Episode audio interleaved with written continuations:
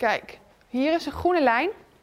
De lijn die komt uit bij... Ja, maar die, die, die ken ik nu wel, maar, maar gewoon, ik, wil even... Ja, ik loop met je mee. De groene lijn die komt uit bij het toilet. Maar ik help je even.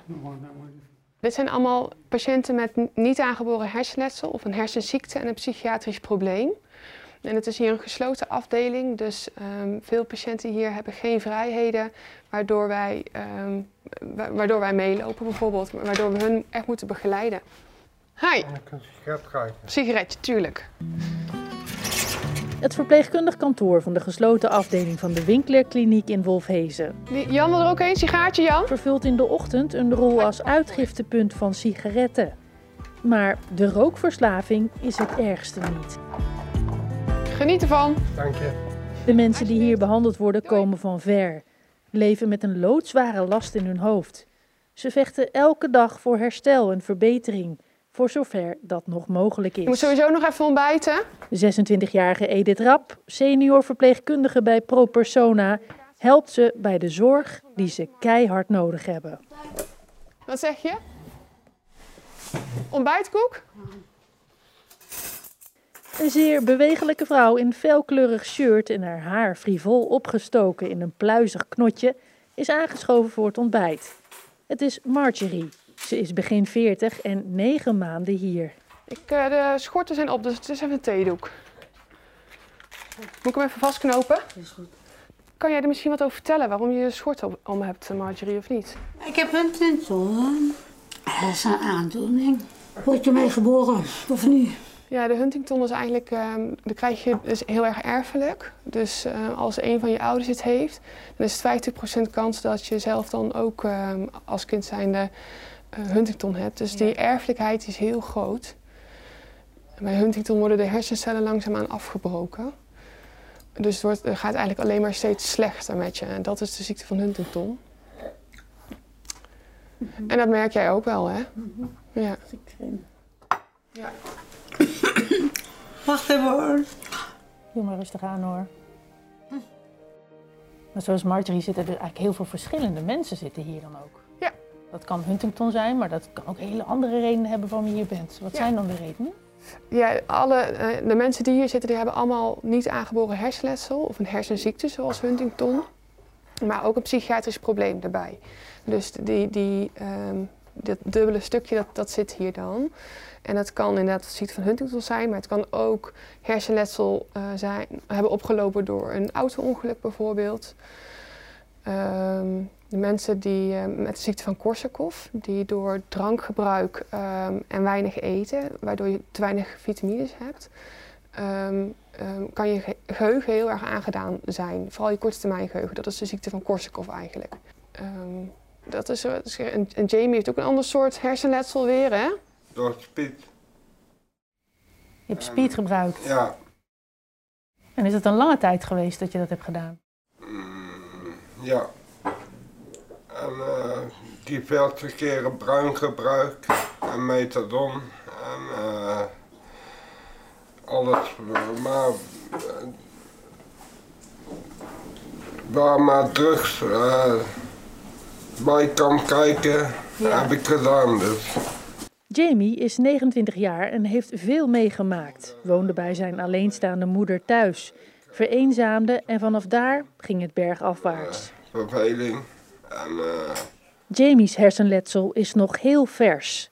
Oktober vorig jaar belandde hij in het ziekenhuis. in eerste instantie kon ik eh, niet lopen, niet eten, niet drinken.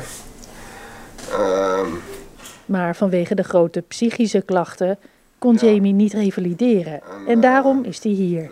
En het zou mooi zijn als je nu hè, hier stabiliseert.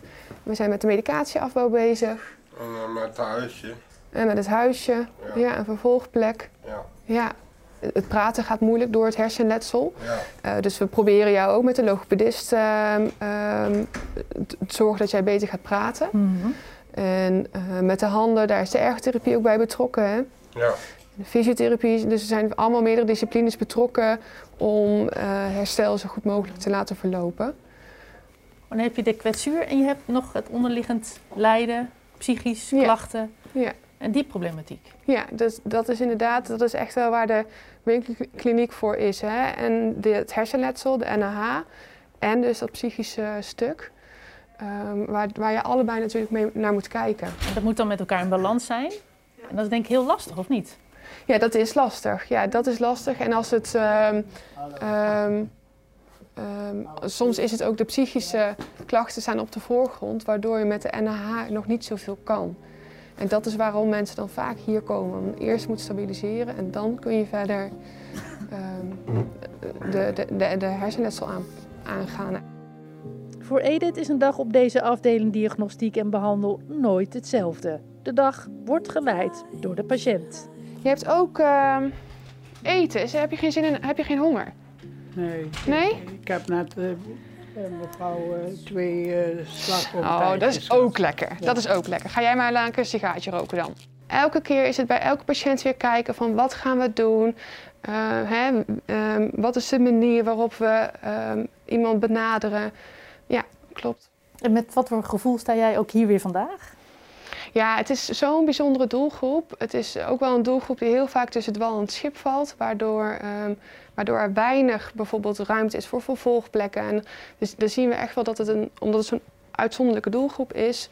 Maar dat maakt het voor mij juist heel leuk. Als verpleegkundige is het leuk, omdat je altijd een stuk somatiek hebt. Dus het lichamelijke, hè, de, de, de somatische kant. En, en de psychiatrische kant heb je hier natuurlijk ook. En daarom vind ik de doelgroep zo, zo interessant wel. Ja. Oké, nou ik ben bij de ergo geweest net. Hoe is nu de stand van zaken hier? Zondevoeding is gegeven. Ja, die is Oké, gegeven. volgende gift om 6 uur denk ik hè? Ja, om 6 uur. De maaltijden zo om 4 uur erin zetten. En zo gaan de dagen hier. Van rustige momenten die zomaar om kunnen slaan naar gespannen en soms ook bedreigende situaties. Ja. Ook voor Edith zelf, die getraind is om de boel te sussen. Er is elke keer iets waar je op moet reageren. Dus ehm, hè, het is een, een simpele vraag voor een, voor een sigaartje. Het kan zijn dat er wat gebeurt op de groep. Eh, je- Ik loop heel even. Oké, oh, stop, stop.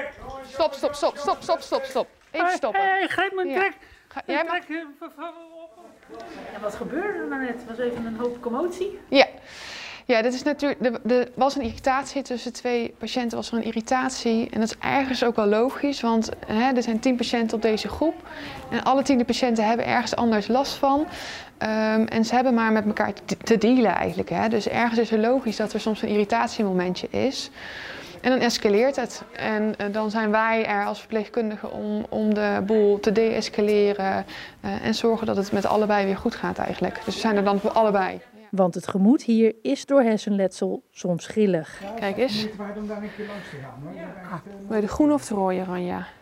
Eh, de rooi maar. Ja? Maar naast de tegenslagen en mindere dagen knokken ze hier voor herstel.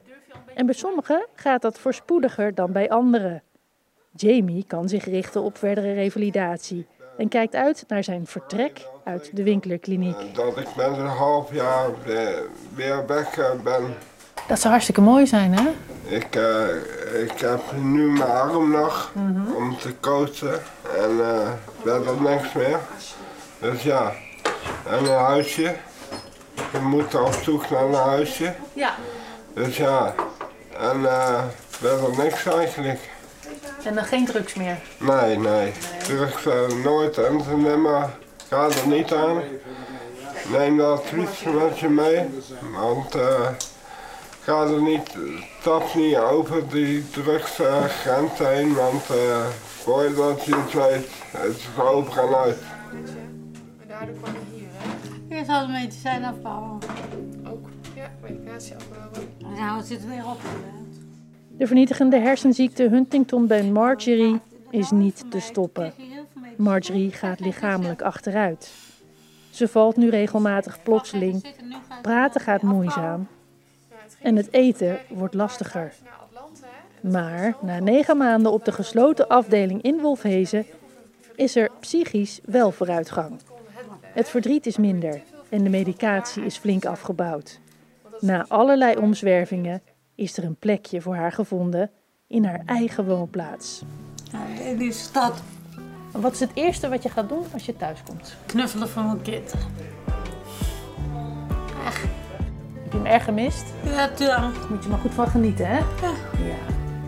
En Edith, die zal haar missen.